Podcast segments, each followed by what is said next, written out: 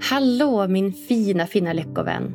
Välkommen tillbaka till ännu ett avsnitt av världens bästa lyckopodd. Och stort grattis till dig som genom att lyssna på den här podden valt att prioritera lycka och välmående i livet. Jag heter som vanligt Agnes Sjöström och den här podden den är till för dig som generellt sett mår ganska bra men som med hjälp av små enkla medel vill uppnå ännu mer lycka och välmående i livet utan att behöva göra stora livsomvälvande livsförändringar. Jag vill också passa på att tipsa om mina goa fina vänner Madeleine Mofjärd och Peter Nilssons nya digitala träningsprogram för relationer. Ett program för dig som vill bli bättre på att investera i dina relationer. Oavsett om det är kärleksrelationer, vänskapsrelationer eller relationen till dig själv så är det en avgörande faktor för hur lycklig du kommer att bli i ditt liv. Och vem vill inte investera i lycka?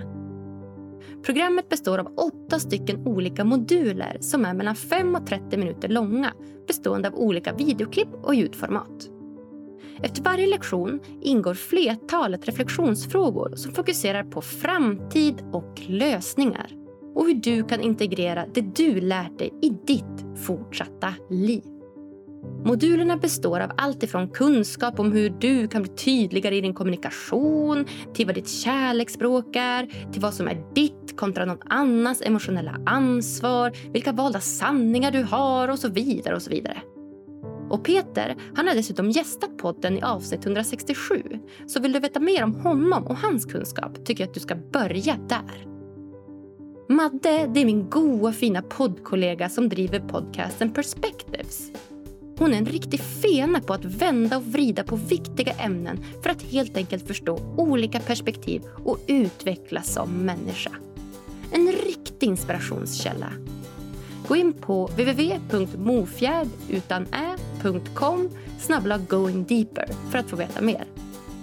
Dagens avsnitt det spelas in tillsammans med världens bästa Bingo Rimér Ja, för er som inte känner till Bingo så är han en av Sveriges största influencers och bästa fotografer. Han driver tillsammans med sin exfru Katrin Zytomierska den framgångsrika podcasten Relationspodden 2.0 som fått otroligt mycket uppmärksamhet i media. Med sitt unika synsätt på familj och relationer har Bingo och Katrin utvecklat en sund familjekonstellation innehållande både lyckliga barn, gamla kärleksrelationer och nya kärleksrelationer. Ja, idag är Bingo tillsammans med Bachelorette-aktuella Julia Fransén. En medveten kvinna med sund inställning till både relationer och livet i allmänhet. Idag pratar jag och Bingo om nycklarna bakom deras moderna levnadssätt och varför det är så otroligt ovanligt. Vi pratar om hur du, enligt Bingo, då, skapar en lycklig kärleksrelation. Om varför barnen alltid bör gå i första hand. Ja, skruva upp volymen, kära du. Här kommer ett riktigt pangavsnitt. Varsågoda.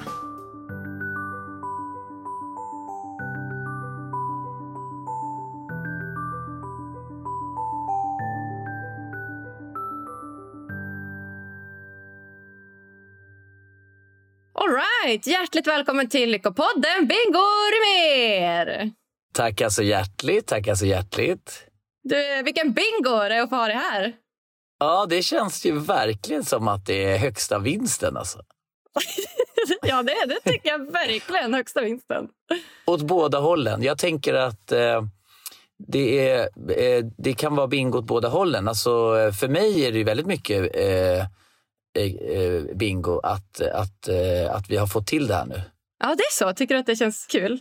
Ja, men det är kul. Det känns ju det känns ju onekligen kul att vara med i ett sånt där lyckosamt samma, eh, sammanhang. Ja, känns det, är det ovanligt eller brukar du få vara med i sådana lyckosammanhang? Nej, men jag får, man får ju väldigt mycket förfrågningar om olika sammanhang och jag tycker att eh, eh, just det här sammanhanget känns ju, eh, det känns ju kul. Alltså hela inramningen känns ju kul. Mm. Ja, men vad roligt. Ja, men för det är faktiskt en av de frågorna som jag har till dig. Det är så här, vad, vad var din första tanke när du blev inbjuden av Lyckopodden? Var det ett självklart rungande ja eller var det liksom att du bara, men gud, vilka grejer ska jag vara med i nu? Ja, ja, vi kör väl Lyckopodden. Ja. Eller vad? Nej, men jag tyckte... Jag tycker generellt sett så är det väl...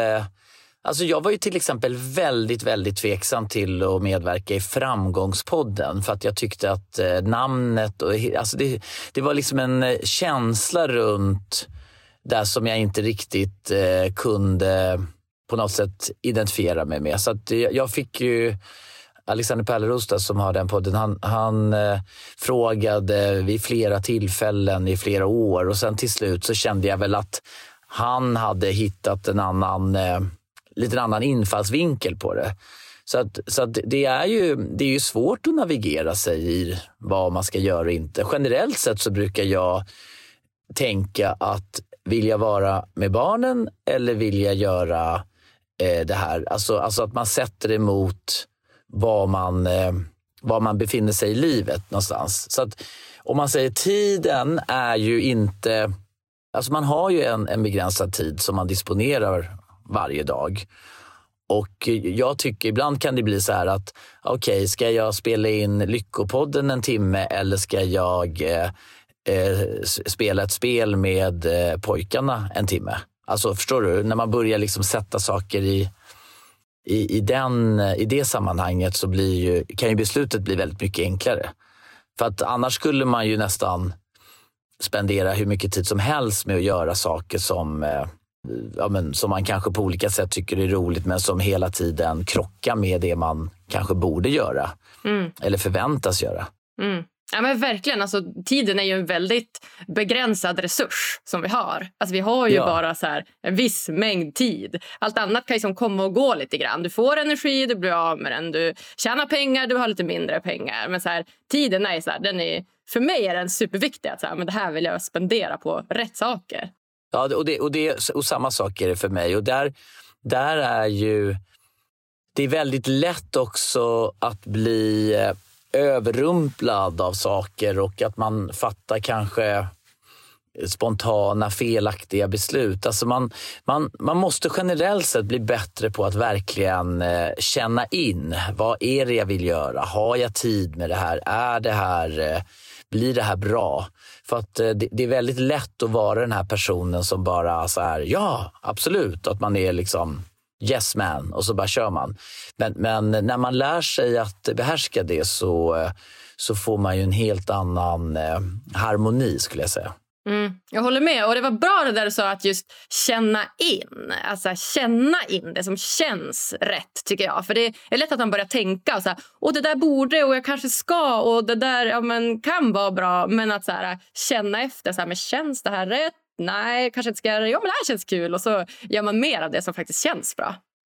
Det där är superviktigt och jag tror att, att eh, det, det tar... Eh, jag reflekterade över det där på ett, väl, ett relativt tidigt stadie för jag gick i, i eh, eh någon slags... Eh, eh, för väldigt länge sedan så när jag gick skilda vägar i, i ett tidigt stadie i livet med en, en tjej så, så ville jag hjälpa henne att gå i samtalsterapi.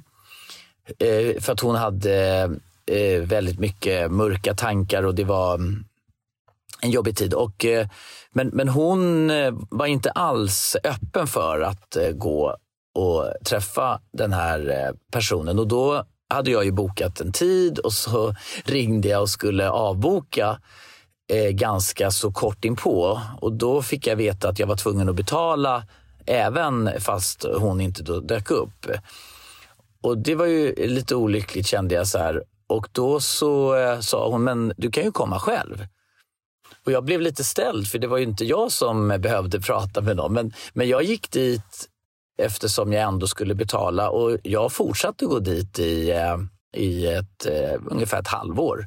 Och det var väldigt, väldigt eh, eh intressant, alltså för ens personliga utveckling. Men, men framför allt så har jag så starka minnen av den här eh, tanken om att verkligen känna in när du får en eh, förfrågan. Det kan ju vara en, eh, eh, alltså, att ett kompisgäng vill gå ut och, och, man tänker så här, man vill ju vara den här personen som följer med ut en, en, kväll. Eller, men, men i själva verket om man känner efter så kanske man behöver lite tid för sig själv. Man behöver kanske landa eller eh, lite egen självreflektion eller inte vet jag, läsa en bok. Man kanske behöver lite mer sömn eller vad det än må vara. Men just den här känslan att, eh, att stanna upp och försöka känna efter.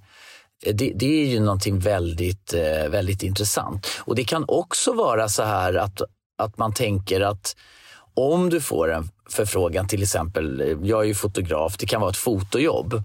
Då kan det vara så här, okej, okay, det här fotojobbet låter intressant, men för att det ska vara intressant för mig så kanske jag måste Eh, göra det i ett specifikt sammanhang eller på ett speciellt sätt. Det kan ju vara till exempel att, eh, att jag kanske vill göra det ute i skärgården för att jag vill känna vindarna när jag åker båt och få en, liksom en, en härlig liksom, eh, upp, naturupplevelse. Så det kan ju också vara så att någon, en, en Alltså det finns ju två sidor. Det ena är, vill jag göra det? Och om jag vill göra det, hur vill jag göra det? För att det ska bli väldigt bra. Och det kan man ju också reflektera över. Ja, men verkligen bra sagt. Där. Men vill jag göra det och sen hur vill jag göra det? Kanske man kan tweaka det på något sätt så att det liksom blir ännu bättre. För ju mer man vill det, desto mer själ lägger man in i det, desto bättre blir det oftast. Ja, och det är väldigt lätt att man bara så att säga eh, eh, hakar på.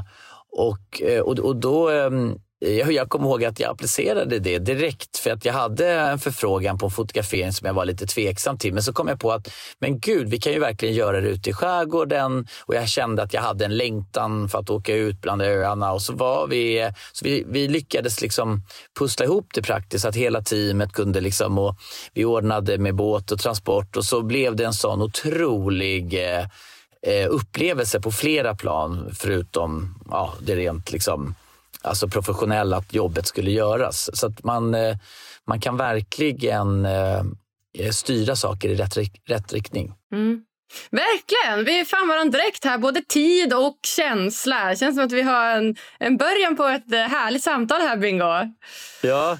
Ja, vad härligt. Men hallå, Marbella, du är där nu med Julia, eller? Stämmer det? Ja, nu är jag här. Ja, vi har precis eh, eh, jag eh, hjälpte ju Eh, Katrin en del när hon skulle hitta en lägenhet här nere. Och eh, det, var ju, det, tog, det tar ju tid. Alltså, man får ha tålamod och eh, det ska vara rätt område, det ska vara rätt prisnivå, det ska vara eh, det, det, ska ju vara praktiskt och det ska ju fungera med liksom familj och barn och allting. Alltså det är rätt många saker man måste ta hänsyn till när man hittar någonting. Och, och, hon letade ju i över ett år tills hon äntligen hittade då en helt fantastisk eh, takvåning med två stora terrasser och i ett helt perfekt område. Och eh, ja, men allting klaffade liksom helt perfekt. Och det var så kul och den är så fin, hennes eh, lägenhet. Och så var jag här och vi skulle inviga och alla familjen hade flygit ner. Och så sitter vi vid poolen och jag satt och tänkte, gud vad det här är fantastiskt. Alltså, det var så det är som en mysig innergård och barnen sprang runt och det sprang någon eh, grannes ungar och alla, alla var, man bara så här, alla var så genuint lyckliga. Och då säger en granne som är också svensk, att eh, lägenheten under Katrin, alltså i samma fastighet, är eh, antagligen till salu. Och den hade liksom inte kommit ut på marknaden och den bara... Det var någon eh, kille från typ Kuwait som ägde den och han hade bara så här... Hans... Eh, hur var det nu? Hans eh, frus bror jobbade lite extra som mäklare, hade bara satt upp en liten skylt och jag tänkte, och då, då när jag satt där, jag bara tänkte, men gud, den måste ju jag köpa, den lägenheten. Alltså det är ju helt otroligt. Eh, och det gjorde jag. Och eh, det här eh, blev ju liksom startskottet för min, så att säga, och då även Julias etablering här nere. Så att, för Julia vill ju bo här nere och det blev ju så perfekt eh, eh att jag köpte den. Så nu ska vi ha den tillsammans och vi håller på och inreder den och vi har blåst ut Eh, Eh, eh, alla liksom alla gamla, allt det gamla. För det, det var ju lite mer ett, ett re, renoveringsobjekt. Men eh, vi, vi, eh, vi, vi, håller på nu och det, det känns så eh, otroligt kul. Alltså det, det, är som en, det är sån märklig känsla när man Eh, Eh, är liksom i en ny stad, i, eh, i en ny lägenhet och ska inreda den med sin tjej. Och sen är Rambo med här och han går i skola. Så det känns som att man börjar ett, liksom ett litet så nytt eh, kapitel. Jag kommer ju inte kunna bo här nere permanent eftersom jag har barnen i, i Stockholm. Men, men tanken är väl att jag ska börja eh, försöka pendla här nu. Ja. Okej, okay, men shit vad spännande. Det känns ju verkligen som att det var någon högre makt som kom och bara eh, sa ja. till er att så här, lägenheten är ja. till salu och bara köp den och så köper den så nära Katrin med barnen ja. och så Julia. Det, shit, ja. He, ja, men det, det, det är helt otroligt och det var också lite så där Alltså när jag, det, det kom nämligen en liten unge eh, springande mot mig när jag satt vid poolen i blöja. Eh, någon granne då som hade någon liten ettåring.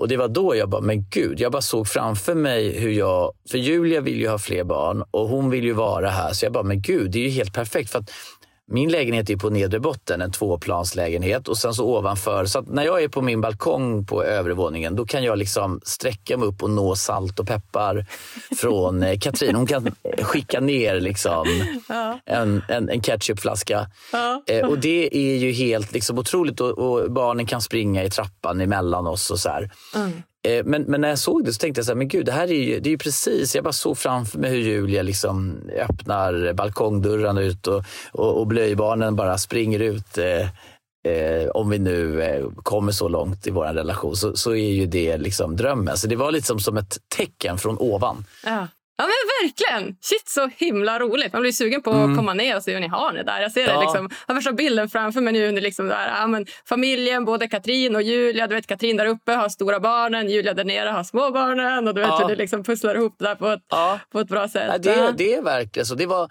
det, det föll verkligen på plats. Sen var det ju en otroligt... Alltså, för det spred sig något slags rykte att jag ville köpa den här lägenheten, liksom att folk började snacka om det. Så att då började ju, så att eftersom den inte hade kommit ut på marknaden så började folk ringa den här mäklaren och buda, eh, försöka buda över mig. Så det var väldigt så här, och jag var ju i Sverige och jag hade inte ens varit inne i lägenheten utan jag, jag köpte den bara på, eh, på liksom någon bild.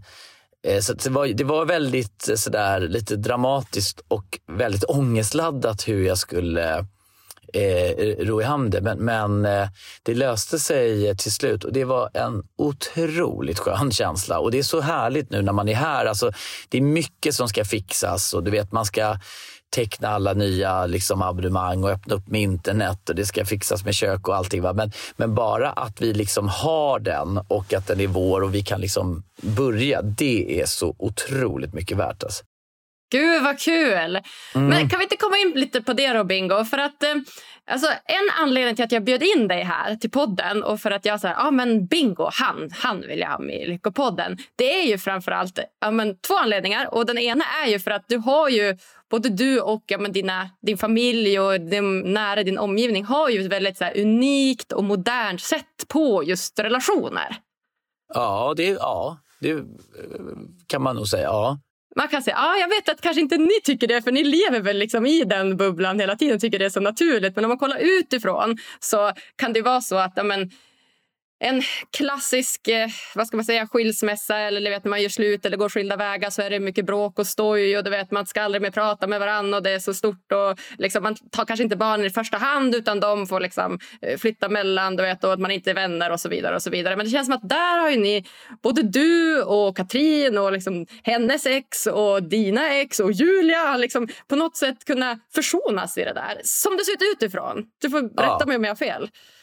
Ja, och så är det ju väldigt mycket. Jag, jag, tror att för alla oss inblandade så är ju utgångsläget att det alltid ska bli bra för barnen. Att barnen är i fokus. Att eh, Känner man eh, en så här, krypande ilska eller irritation så, så får inte det på något sätt inkräkta på barnens eh, så att säga, välbefinnande. Och det, det kommer ju väldigt naturligt för oss. Och där kan jag tycka att Alltså jag tycker ju att det borde i, i, all logisk, alltså i all logik vara normen för hur man ska bete sig. Så att det är väl två saker som är viktiga. Dels hur man förhåller sig till barnen i en separation. Eh, men, men också att man inte glömmer bort att man är ju en familj oavsett vad man tycker om varandra. Alltså familjebanden, alltså vad jag än tycker om Katrin så är ju hon barnens eh, mamma. Eh, och en jätte, jätteviktig eh, person för all framtid för barnen. Och det är ju någon slags utgångsläge. Och, och att man i tillägg till det känner en enorm tacksamhet att att vi har de här fina barnen eh, ihop. Och tar man det som någon slags utgångsläge så tror jag det blir väldigt mycket då, då, då blir det så självklart för mig eh, hur man ska så att säga bete sig och eh, hur man ska liksom eh, eh få ihop allting eh, rent praktiskt. Så att jag, jag förstår ju alltså utifrån ut i ett eh, intellektuellt perspektiv så kan jag ju förstå att människor har tankar och är fascinerade i viss mån för att, att många har svårt att få ihop den eh, ekvationen. Men, men för oss som lever i det så är det så väldigt naturligt hur man, eh, eh hur man ska vara. Eh, och, och det är ju ehm, det blir ju så mycket liksom enklare. Alltså jag kan ju verkligen bli så illa berörd när barn blir lidande eh, oavsett om det är liksom krig eller separation eller svält eller vad det än må vara. Liksom det är ju så här, är man förälder så har man ju, är man ju för alltid så, man är så påverkad av, av när det händer någonting med barn. För jag tycker att vi vuxna och föräldrar, vi har ju sånt stort ansvar. Det är så fruktansvärt när, när, när, när man tänker på barnens lidande i Ukraina just nu. och man, alltså, liksom, Det där är ju någonting som verkligen tar på alltså, Och för mig är det så eh, ofattbart svårt att förstå att man inte vill barnens bästa och att man bara liksom kör över barnen liksom i kanske i en separation eller så och inte liksom ser vad som pågår.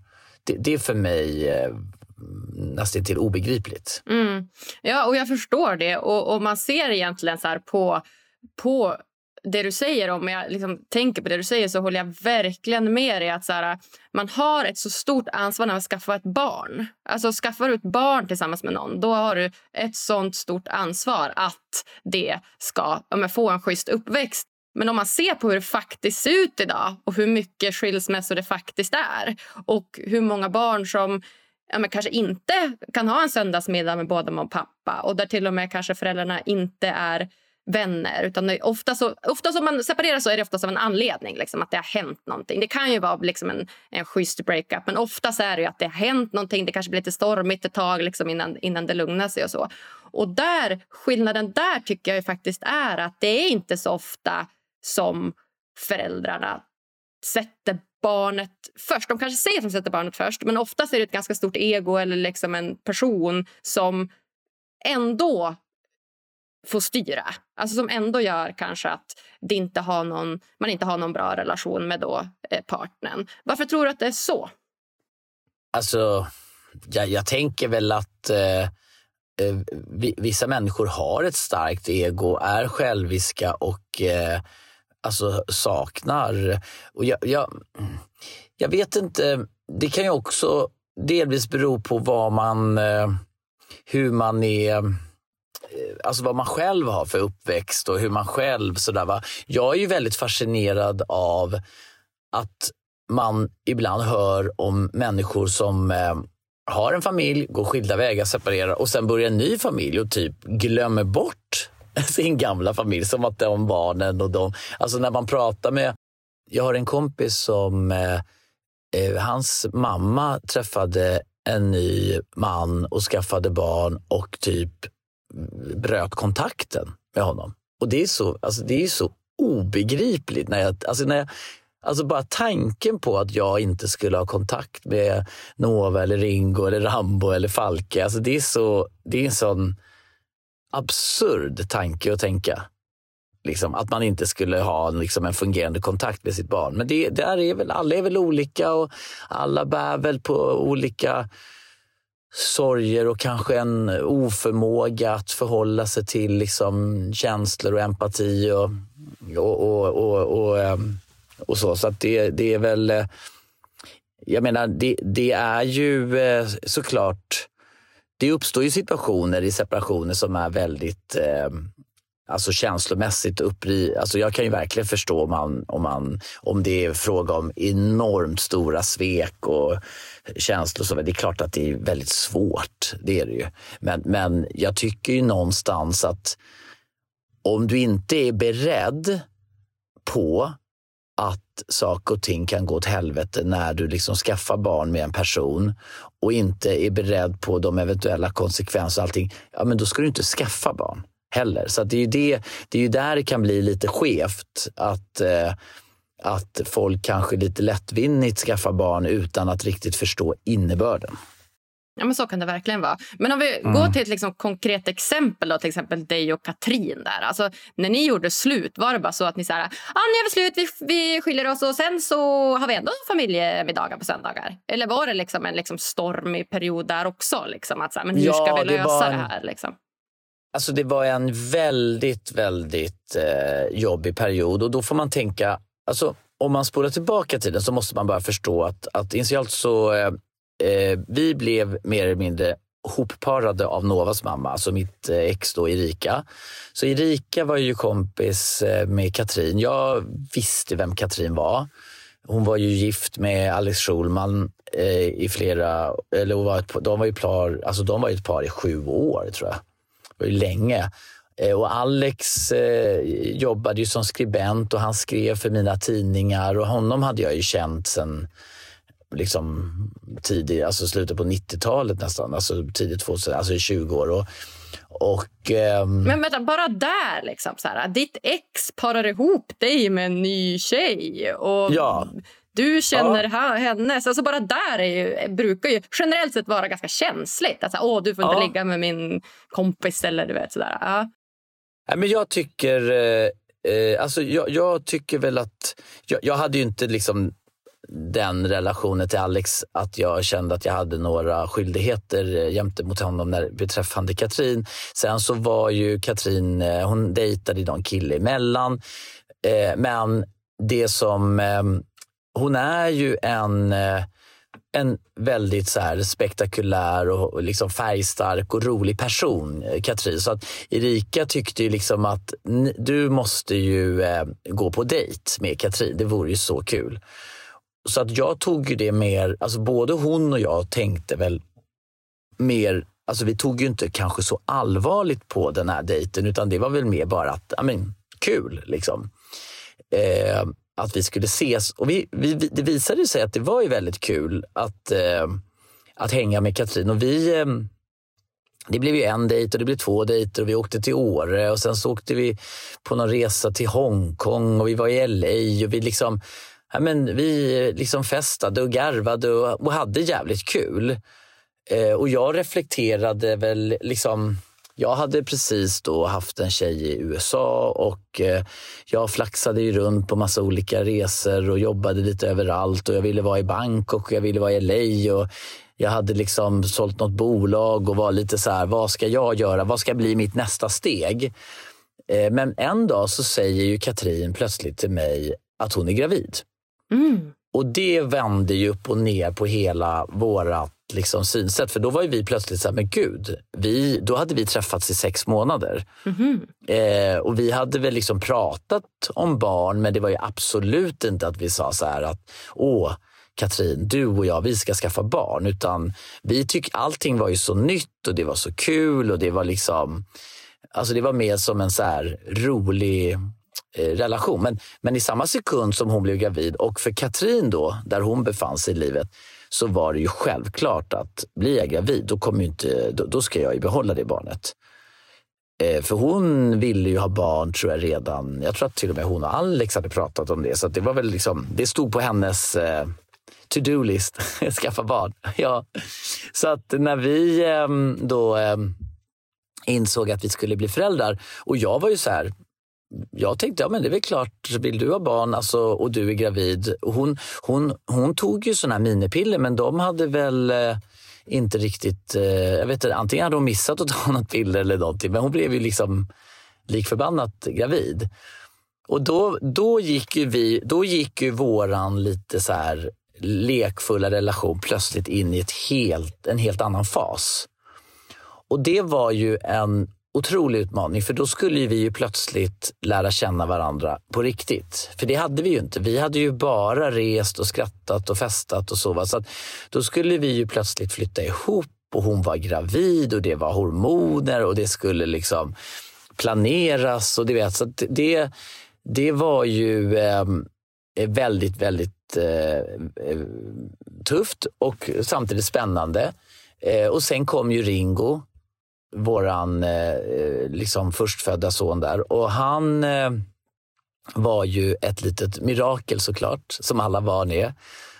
Och då, eh, efter att vi hade liksom stångats i ungefär tre år tror jag, då hamnade ju vi i ett litet så här vakuum där vi bara sa, okej, okay, det här är, vi, vi insåg ju att våra olikheter var ju, alltså vi är ju som yin och yang. Så att eh, när, eh, när Ringo var ett år gammal så började vi eh, fundera på, alltså då var vi ju i ett vägskäl där vi kände att det var väldigt tufft att få ihop det. Vi, vi, det funkade väldigt bra tycker jag, praktiskt så tillvida att vi hade liksom ett bra liv och vi, vi, vi bodde bra, vi åt gott, vi hade kul ihop och sådär. Men det var väl att den här romantiken då fick vi inte riktigt ihop. På grund, väldigt mycket på grund av våra olikheter tror jag. Och, ehm, och då tog vi ju faktiskt ett beslut att vi sa så här, okej, okay, ska vi nu ge den här relationen en ärlig chans och ge Ringo ett syskon? Och då började vi ju planera för eh, eh, att han skulle få ett syskon.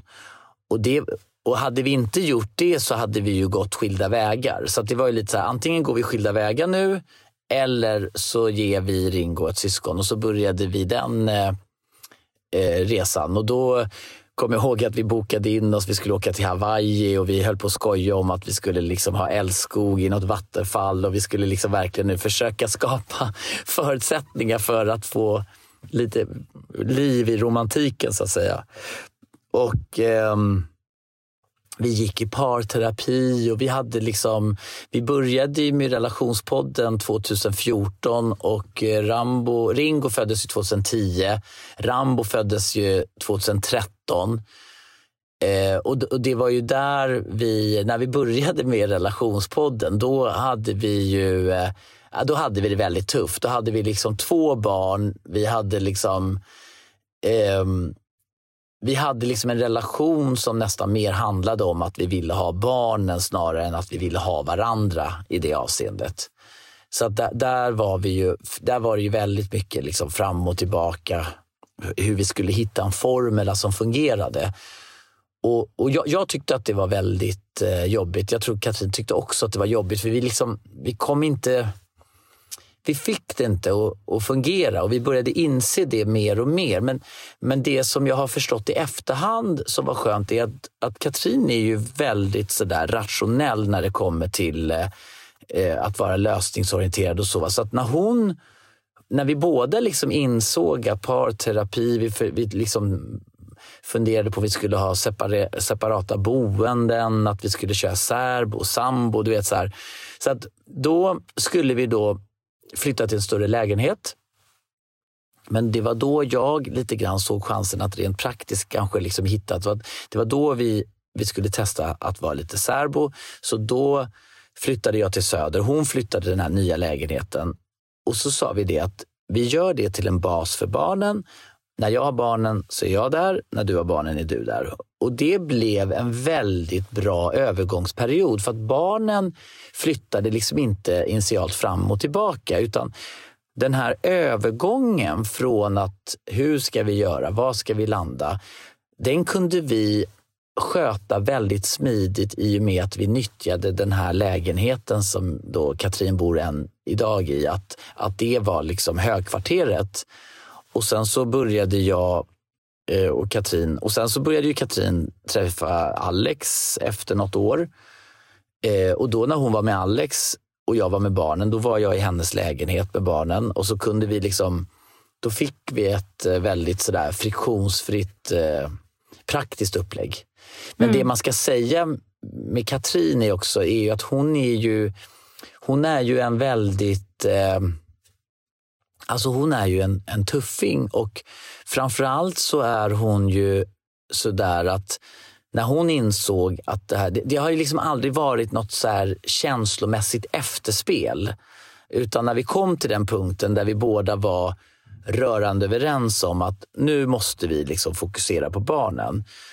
ja då var, då var hon och jag väldigt, då, då slog vi om helt. Vi, vi, vi liksom, då var det så här, okej okay, nu slutar vi liksom bråka om det här som vi hade bråkat om för att det leder ingen vart. Utan nu fokuserar vi på att göra det bra för barnen. Så det var ju väldigt mycket tycker jag tack vare Katrin att hon, var, att hon kunde slå om på det sättet. För det gjorde ju att det blev väldigt mycket enklare för oss båda. Och jag tror att ibland kan man ju hamna lite i det här känslomässiga efterspelet som på något sätt påverkar hela separationen liksom negativt. Ja men verkligen. Det är, inte, det, det är inte lätt att säga åt sig själv att så här, nu tar du bort dina känslor, din besvikelse, Exakt. din så här va. Och där är ja. ju Katrin, tycker jag, väldigt unik. Nej men mästare. Ja, hon är en mästare. Hon, hon, hon, det får man inte glömma bort, att Katrin, alltså om man tänker på alla såna här teorier om hur man blir en en kanske mera lycklig och harmonisk person i sin vardag. En sån sak är ju att inte ödsla tid och energi på saker som du inte kan påverka. Nej, hon bara fokuserar på det hon kan påverka och bara kör på det. Exakt, och det gör ju henne väldigt unik. Så, när hon, så det tror jag var ju väldigt mycket nyckeln till eh, framgång för oss och det är där jag tror att många har eh, kör fast väldigt mycket som inte liksom eh, har en bra separation.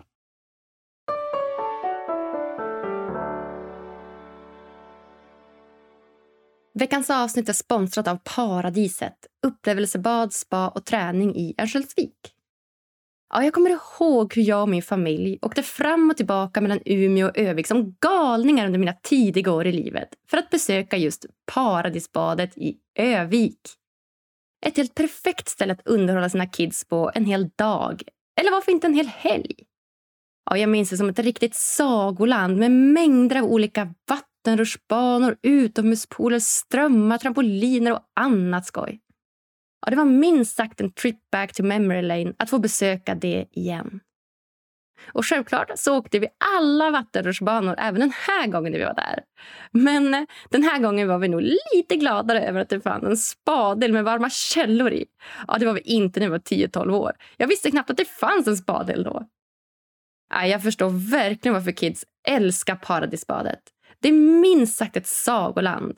En helt perfekt upplevelse för dig som har barn och vill roa dem en hel dag. Eller varför inte en hel helg. Världens barnvänligaste äventyrsbad. Tack bästaste paradiset för en härlig nostalgitripp.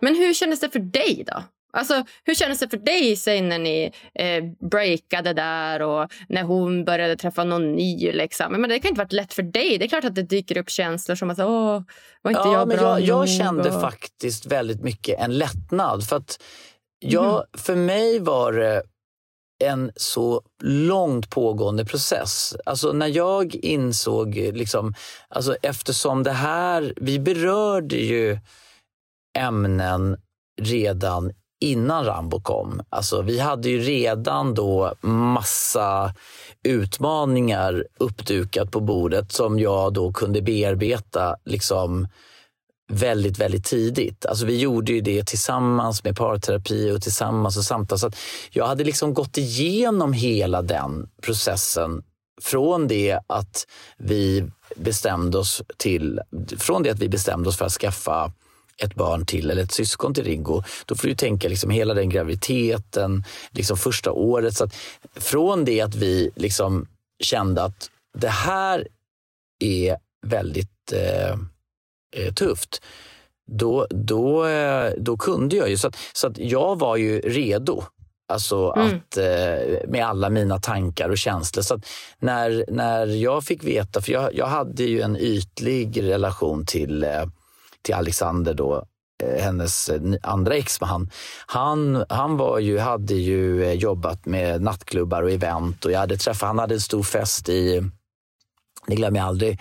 Han var ju nattklubbschef då på Karma när de startade i, Oslo i Norge och på invigningsfesten var så här eh, eh, Snoop Doggy Dogg och det var så här vilka var det som var där? Vad heter han? Jay-Z var där på fest. Mm. Alltså det var så här, Puff Legender. Daddy. Ja. det var någon så här jättestor fest och liksom Alex han var liksom i händernas centrum. och liksom eh, jag var ju där och festade och träffade honom och vi, liksom, vi hade massa gemensamma vänner, eh, jag och Alex. Så jag fick faktiskt veta lite på omvägar att de hade kontakt innan Katrin berättade det för mig. Mm -hmm. Så att jag, jag visste det och jag, och jag kände faktiskt väldigt mycket en lättnad. För jag märkte att i takt med att hon, eh, eh, hon blev så glad och det tyckte jag var härligt att liksom när de började, att hon träffade en ny och det började en ny kula för henne och sen kom ju Falke som är världens finaste lilla kille. Så det var ju, jag, jag, tycker att det var något väldigt eh, eh, positivt. Utgångsläget för mig är ju att man ska unna den man eh, tycker om saker och inte mm. liksom, och det, det... Men lättare sagt än gjort. Är lättare sagt än gjort. Eller? Alltså, ja, det, det, det kommer men... ju inte naturligt. Nej, alltså är man i grunden en missundsam person och lite elak och eh, eh, eh, sneken och så, då är det svårt tror jag. Är, är du det? Men vi alla är ju människor. Okay. Alltså, nej, men det är nu exakt. Det lät som att jag var en sån person. Raxingens bingo.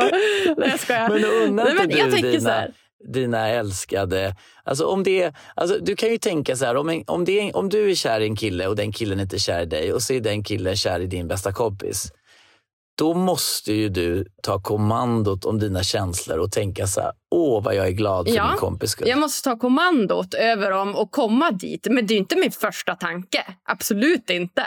Alltså, eller det beror på hur det slutar kanske. Det, det kan vara ja. min första tanke. Men om du tänker typ nu då, du med nya Julia här och ni är så kära och fina. Tänk om man skulle komma nu och bara, nej, bingo, vet du vad? Jag vill inte vara med dig längre. Jag vill vara med din bästa vän. Ha det. Hade inte du blivit ledsen då?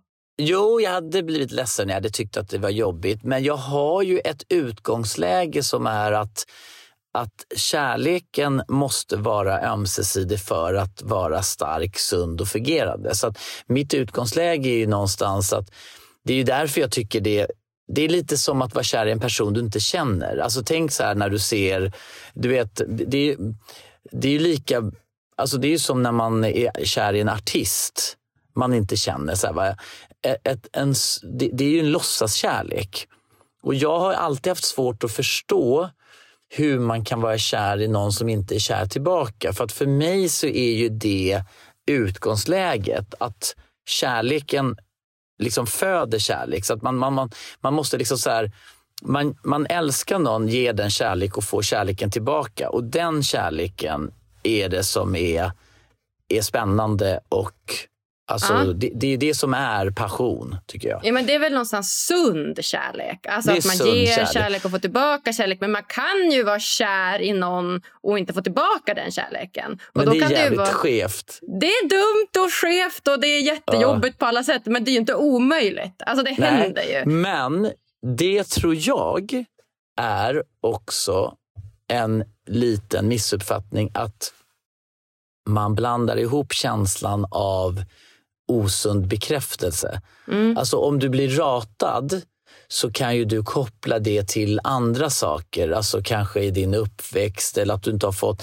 Alltså, till exempel om du växer upp i ett kärlekslöst eh, alltså med föräldrar som inte visade kärlek och uppskattning. Eller du vet, man pratar om daddy issues, alltså mm. eh, tjejer som har en osund relation till sina farsor och de är dåliga på att visa uppskattning och bekräftelse och så söker du ett, så får du ett osunt bekräftelsebehov och så tror du att du är kär i en kille som inte ger dig uppskattning eller kärlek tillbaka som din pappa eh, också misslyckades med.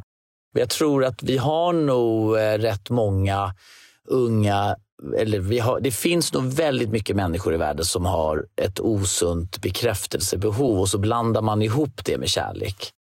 Så kan det nog vara.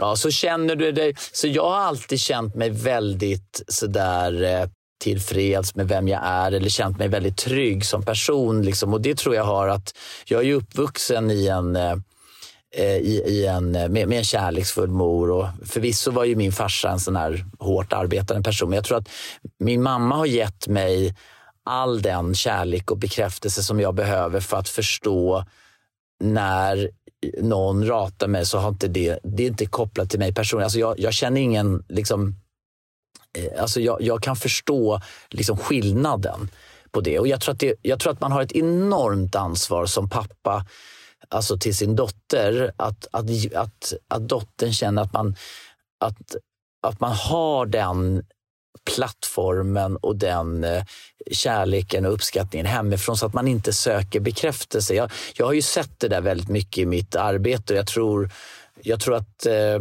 när man pratar om tjejer som kanske eh, ligger runt eller hela tiden träffar nya killar och så här, de, de, de letar efter någonting och har en, de, de har någonting eh, de har ett, tror jag, ett, ett sår eh, från sin uppväxt eller någonting som saknas. Liksom. Mm. Mm. Nej, men det är nog faktiskt vanligt, det har du rätt i. Och då kommer vi in på million dollar question här, Bingo. Vad är då sund kärlek? Om du ska beskriva den. Nej, men jag tror att en sund kärlek är ju framför allt att man vill varandra väl. Att man, att man har ett utgångsläge. Att, att eh, jag vill den här personen vill jag göra allt för. Alltså, att, jag har ett, att det finns liksom ett incitament att man i den här relationen så vill man eh, att, eh, att ens partner ska må bra, att man vill ta hand om den personen och skämma bort den och vara med den och älska med den och skratta med den. Och så här, alltså det finns ett, liksom en, Eh, och att man vill det båda två. Och det är det som är, det tror jag en del i det kommer naturligt och en annan del, eh, alltså det måste finnas en grund som kommer naturligt, som mm. känns naturligt. Men sen så tror jag att man också måste jobba mm. stenhårt för det. Mm. Alltså man måste verkligen gå in med ja, men man måste gå in med ett mindset. Man måste tänka kärleksfulla tankar. Man måste ta kommandot om sitt tonfall och sina... Så här, vi pratade om det senast idag, jag och Julia, när vi satt... För då, hon hade ett möte klockan ett och jag skulle ju eh, podda med dig. Och så fastnar vi liksom i trafiken och spanjorer är så sega och vi bara ser hur tiden bara rinner. Och jag bara, men nu kommer, inte, nu kommer jag bli sen. Och så när man blir lite sen så blir man lite stressad och så börjar det liksom... Eh, och då, och då märker man ju när eh, de här stresshormonerna går upp att man, ja, men man blir lite så kort i tonen. Så här. Och då tittade vi på varandra och så sa vi det, liksom, eller Julia är ju väldigt noga. Hon bara, nu märker jag att vi har ett dåligt tonfall och det är oacceptabelt. Fint! Va? Och då tänker vi, och det, måste, det gäller oss båda och det är inte liksom ja. någon specifik. Jag är nog lite, alltså, och jag tror att det har ju också lite med min, eh, med, med Katrin, för Katrin är ju väldigt så här eldig och hon kan ju vara liksom, alltså hon kan ju liksom skälla på en och sen så tar det en sekund och så är det över. Alltså hon har ett mycket tuffare tonläge. Julia är ju mer som en Disney-figur. Vet? Hon, är så, hon är alltid så gullig och glad. och så. Va? Hon kan ju också bli lite uppstressad. Va? Men det är ju som... Alltså, alltså, Katrin är ju som en, liksom en chefer och liksom Julia är ju som en liten gullig liksom pudel eller chihuahua. Liksom. Så att de är väldigt olika på det sättet. Så jag kommer ju från en miljö där man har ett mycket mer så här rivigt, liksom så tuffare tonfall medan, eh, medan Julia är liksom så här, hon bara, men gud, så där pratar inte vi till varandra i min familj eller där jag kommer ifrån. Va? Och det är lite så där, lite kulturkrock. Ja, men exakt. Och det känns som att hon, Julia är väldigt eh, medveten, alltså av det jag vet om henne. Supermedveten. Och hon är så Ja, hon är, men hon, hon har verkligen fått liksom mig att tänka också på hur, eh, hur man förhåller sig alltså, eh, med barnen och hur man tilltalar dem eller när man blir så stressad. eller man, du vet så att, att verkligen anstränga sig. Och det är ju så i en kärleksrelation att vill man ha en fin kärleksrelation med någon, även om det är en kompis eller en partner eller någon på jobbet, man måste anstränga sig. Man måste liksom ta kommandot om sina tankar, sina utspel, sina reaktioner, sin, alltså allt. Va? Så det är absolut ingenting man får eh, eh, får gratis. Det, det är liksom, om jag och Julia nu liksom går in med inställningen för att vi ska eh, ha en kärleksfull relation resten av våra liv, ja då är ju det hårt arbete. Ja, men exakt, exakt. För det är det jag menar. Har ni en monogam relation? Att ni bara är ja, med varandra? Ja, det har vi. Det har ja, vi. just det. Och varför har ni det då, tänker jag? För att om vi pratar det här om kärleken, för det har jag reflekterat över själv. Så här, kärlek som man vill, man vill varandra väl och man vill ge och man vill att den andra ska vara liksom, lycklig och må bra. Och, men äh, samtidigt så begränsar man ju med varandra till varandra. Så att så här, Ja. om du är lycklig med någon, ja men vadå, då kan du väl få ligga med fler. Alltså det är någonting som är känsligt där med den här intima sexakten. Hur ser du på det?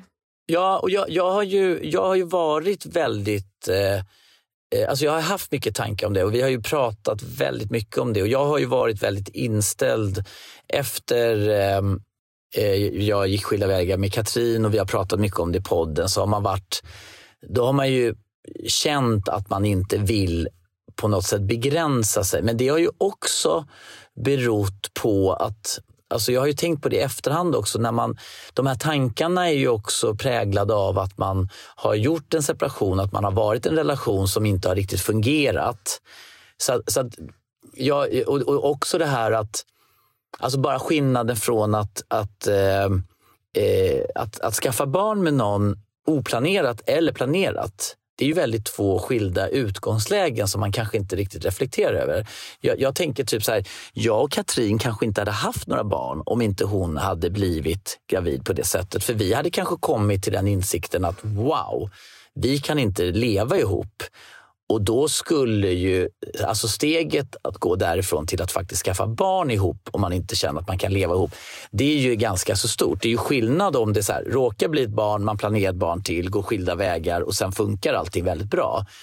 Eh, och jag tror liksom att det vi har kommit fram till, jag och Julia, när vi pratar om det, att jag har nog inte liksom befunnit mig i en relation där jag vill vara monogam och vill utvecklas eh, på det sättet. Alltså det, det, det är väldigt lätt att sätta upp ett regelverk baserat på kanske andra personer Normer. än den.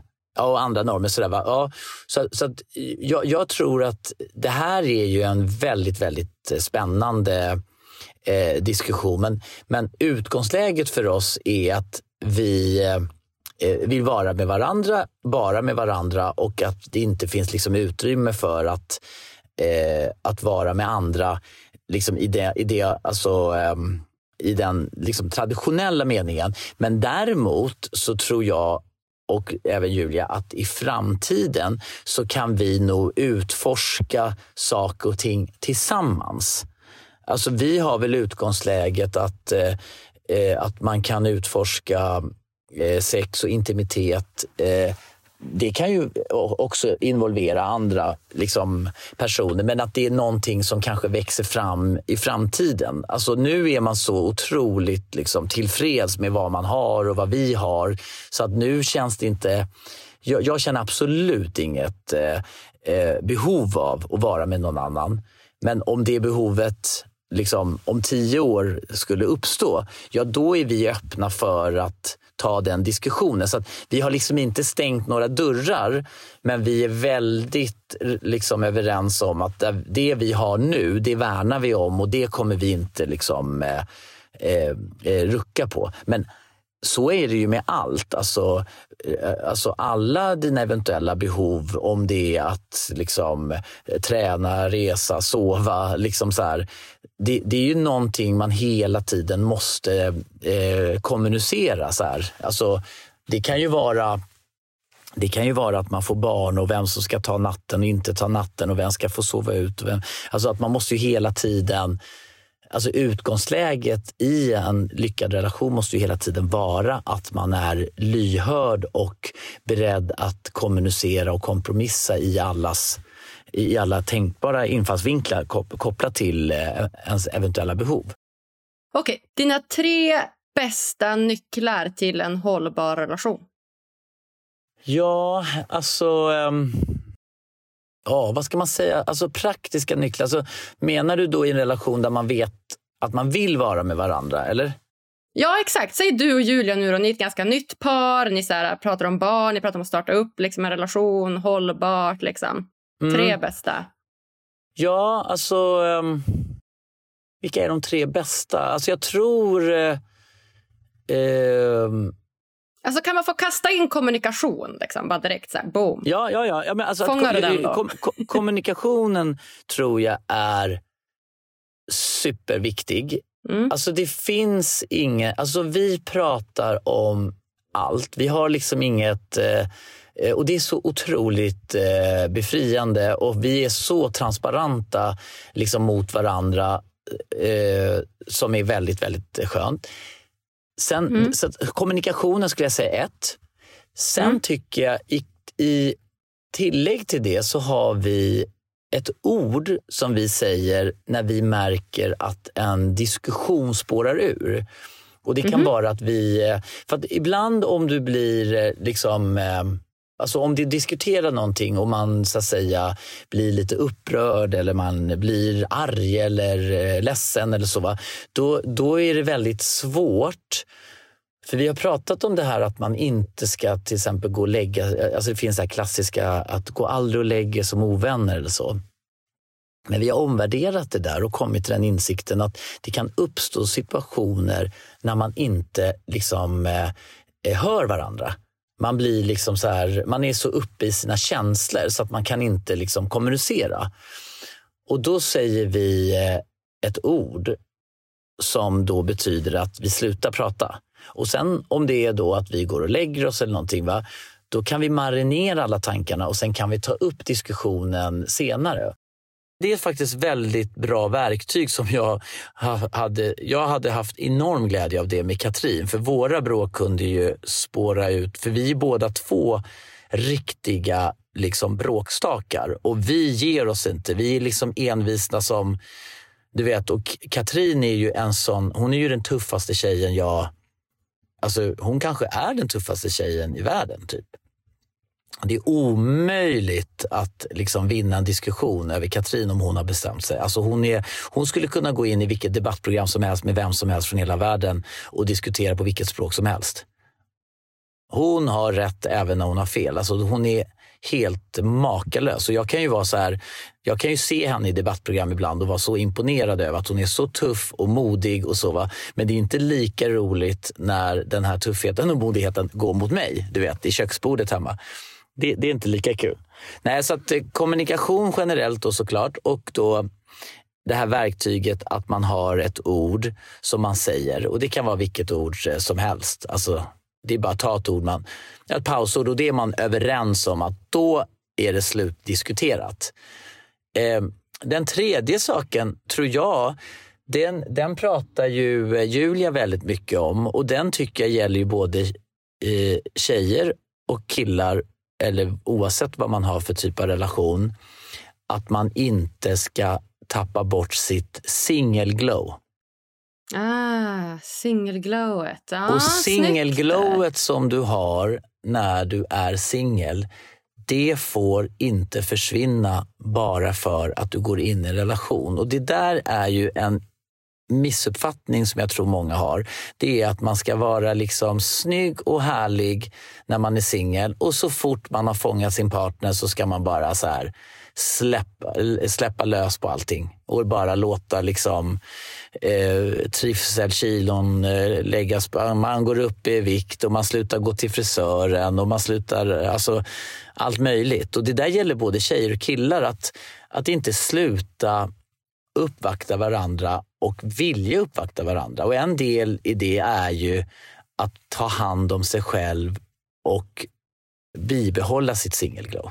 Och det där kan man ju gå in på liksom djupet. Alltså, Julia har ju tagit det till en helt annan nivå. Alltså, hon har ju liksom lister på hur hon ska bibehålla sitt singelglow när det kommer till att man ska sträva efter att vara den bästa versionen av sig själv även i relation.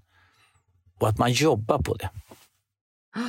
Ja, men alltså så sant. Singelglowet. Tappa inte singelglowet. Keep it glowing, skulle jag säga. Keep it glowing. Och det är så, det är så här, och, det, och, då, och då ska man ju... Det är lite som, som du berörde där lite så här. Vad, Eh, jag kanske har behov av andra saker som inte eh, stämmer överens med att befinna mig i en relation. Om det handlar om eh, och, vad det än må handla om så ska ju inte en relation på något sätt vara ett, ett, ett hinder för dig att vara den du vill vara. eller sådär, va? Så det, är så här, det är lite som när man ser liksom, eh, både tjejer och killar när de har liksom, plötsligt så har de gått och handlat nya kläder och de börjar lägga upp andra bilder och de ska liksom ut och så här, va?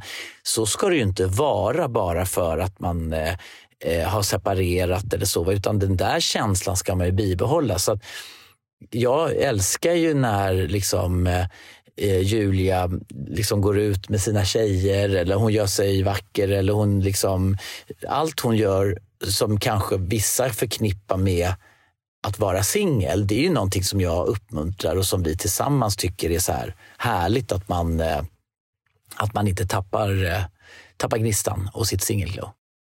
Så bra! Så himla bra, Bingo. Tack snälla för de tre tipsen. Ja, jag tänker att vi ska hoppa in i de sista frågorna här innan vi lämnar varandra för idag, du och jag. Ja.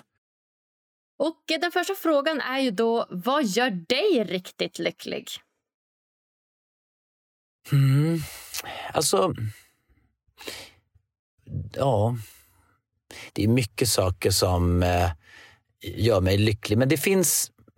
Alltså det, det är en, en sak som gör mig väldigt lycklig. Det är när jag har jobbat hårt, kommit i mål, levererat, fakturerat och kan spendera tiden med familjen och göra roliga saker. Alltså den här känslan av att man får någon slags eh, belöning i liksom, och det kan vara att vi jag menar, det kan vara att, eh, att man har, alltså som jag och Katrin eh, genom åren när vi har liksom gjort kanske något projekt tillsammans och så har vi slitit och så har vi kommit i mål och sen har vi liksom unnat oss eh, någonting väldigt roligt eh, tillsammans med barnen och familjen. Och Det har ju varit oavsett om vi varit i ett par eller inte. Och så har vi känt så mycket liksom, glädje. Och jag, jag tror att glädjen i, kopplad i någon slags eh, kontrast till hårt arbete. Alltså, skulle livet bara vara glädje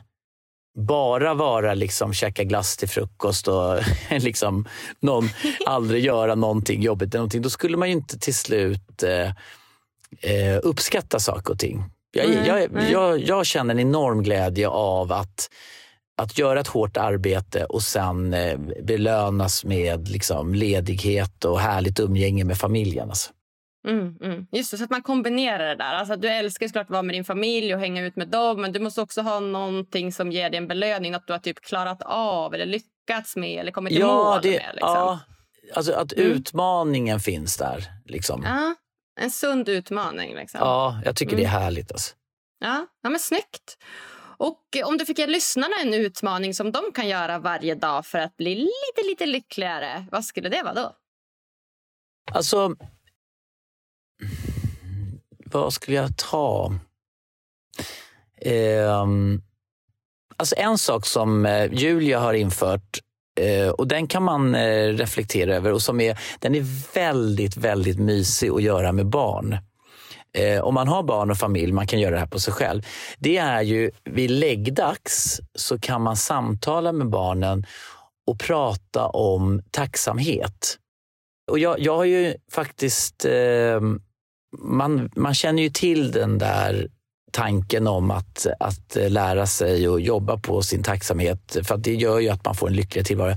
Men det är så jäkla mysigt att få barnens perspektiv på tacksamhet. Om man säger så här, Rambo, vad, vad är det som har varit roligt idag? Vad, vad, kan du räkna upp tre saker som du är tacksam för? Och så ser de här små gulliga ungarna börja så här, ja, jag är tacksam. Och så säger de eh, om det är att de hade något kul med någon kompis eller att eh, eh, att vi åt en god middag och den maten var så god. Och det, det kan ju vara både alltså väldigt små saker, men just det tankesättet. Att liksom stanna upp och reflektera. Och att göra det innan man går och lägger sig gör ju att man går in i sömnen med en positiv eh, eh, ett positivt mindset. Alltså det man ska undvika vid läggdags om man vill ha en bra dag därefter, det är ju alla de här nyheterna som man inte för huvudtaget kan egentligen påverka. Alltså döda kroppar från Ukraina och civila och eländes, eländes, elände. Det är ju, alltså, man ska ju inte stänga ute saker som hände såklart i världen, världen. Men jag tror att man ska vara försiktig med hur mycket man matar sig själv och hur mycket barnen matas med elände och negativitet. För det skapar ju ingen bra eh, tillvaro. Alltså i, i så, så, att mata sig själv med positivitet, man måste göra det i så stor utsträckning som möjligt. Du har ju haft med Kristove i ditt program. Ja, jag släppte det avsnittet nyss. Han är ju världens bästa. Alltså, va? Han är helt magisk, Kristove. Ah. Han är superinspirerande. Och Julia och Kristove blev väldigt bra kompisar i Robinson. Eh, och vi har ju varit hos honom och gjort så här sessions och det är så otroligt jättespännande, eh, spännande, eh, hans eh, tankar. Men just det också, hans morgonrutiner. Att man, när man vaknar på morgonen och vill ha en bra dag, att man eh, man inventerar sig själv, man känner efter lite vad man har för känslor och att man möter de tankarna och känslorna. Det är så lätt att man bara kickar igång. Man bara flyger upp och börjar scrolla på mobilen och så får man en sån liksom dålig start på dagen. Så, att, så att, eh, att, att summera dagen på ett bra sätt och få en bra start på dagen tycker jag är väl eh, två relativt enkla saker för att få eh, ett bättre eh, en, en, mer, en härlig dag. Sen, sen så tycker jag generellt att man ska såklart tänka på sin sömn, men också att man ska försöka undvika eh, socker. Ja, bra där. Inget socker. Nej, inget bra. Inget bra för kroppen. Nej. Drog. En drog. Ja, det är, och det är så jävla lätt att man håller på med de där små sockerkickarna och den här jävla obalansen och allting. Alltså, det, det är um, en, en, eh, lång, en svart kopp kaffe och en lång promenad eh, och inget socker. Det tror jag är en bra start på dagen. Alltså. Ja, men snyggt. Tacksamhet, svart kopp kaffe och lång promenad. Och ja. inte så mycket sociala medier. Och minska bruset. Alltså minska allt man, alla hemska krig och sånt. Såklart inte vara helt omedveten, men kanske inte matas med det hela Nej, tiden. Man ska inte mata sig själv med det för mycket. Alltså. Ja, men snyggt! Ja, super, superbra tips. Ja, men nu har jag med dig, Bingo, och Kristove har varit med, Katrin har varit med. Nu är det Julia nästa. Alltså. Ja, men Julia ska du såklart ha med. Alltså, hon är ju hon är en magisk person alltså. Magisk person. Ja, men hon verkar så klok. Och du vet, jag brukar inte se så mycket på så här, olika program på tv. Men alltså, när hon var med i Bachelorette då satt jag bara bänkad. Jag tyckte hon var så ja. klok och hade så fina värderingar. Och liksom, ja, men verkligen levde sitt liv hur hon ville ha det. Hon ville bo i Marbella, kunna resa till Stockholm och så här, bryr sig mycket om hur hon ser ut. Hon är väldigt fin men väldigt grundad och jordnära. Så ja, det blir, det blir Julia nästa. ja, det blir jättekul. Och jag, jag, jag vet inte om ni har en eh, dialog eller om jag ska koppla ihop det på något sätt. Men det, jag lägger bara in henne i, din, eh, i den här mejlsnurran. För du kan ja. göra samma sak med henne. Alltså, eh, att hon kopplar upp sig så, så har du ju ett kanonavsnitt. Ja, men så himla kul. Mm. Ja, jag är så tacksam för det här, Bingo. Är det något eh, slutligen som du känner att du vill säga till lyssnarna innan vi ger oss för idag? Eh, nej, jag, eh, jag hoppas att alla som lyssnar får en, eh, en härlig dag och att man tänker eh, på vad man är tacksam för. För då blir man en gladare person. Ja, jag säger bara tack, tack, tack snälla Bingo för att du kommer gästa mig här på Lyckopodden. Ja, tack snälla Agnes. Kram. Kram på dig.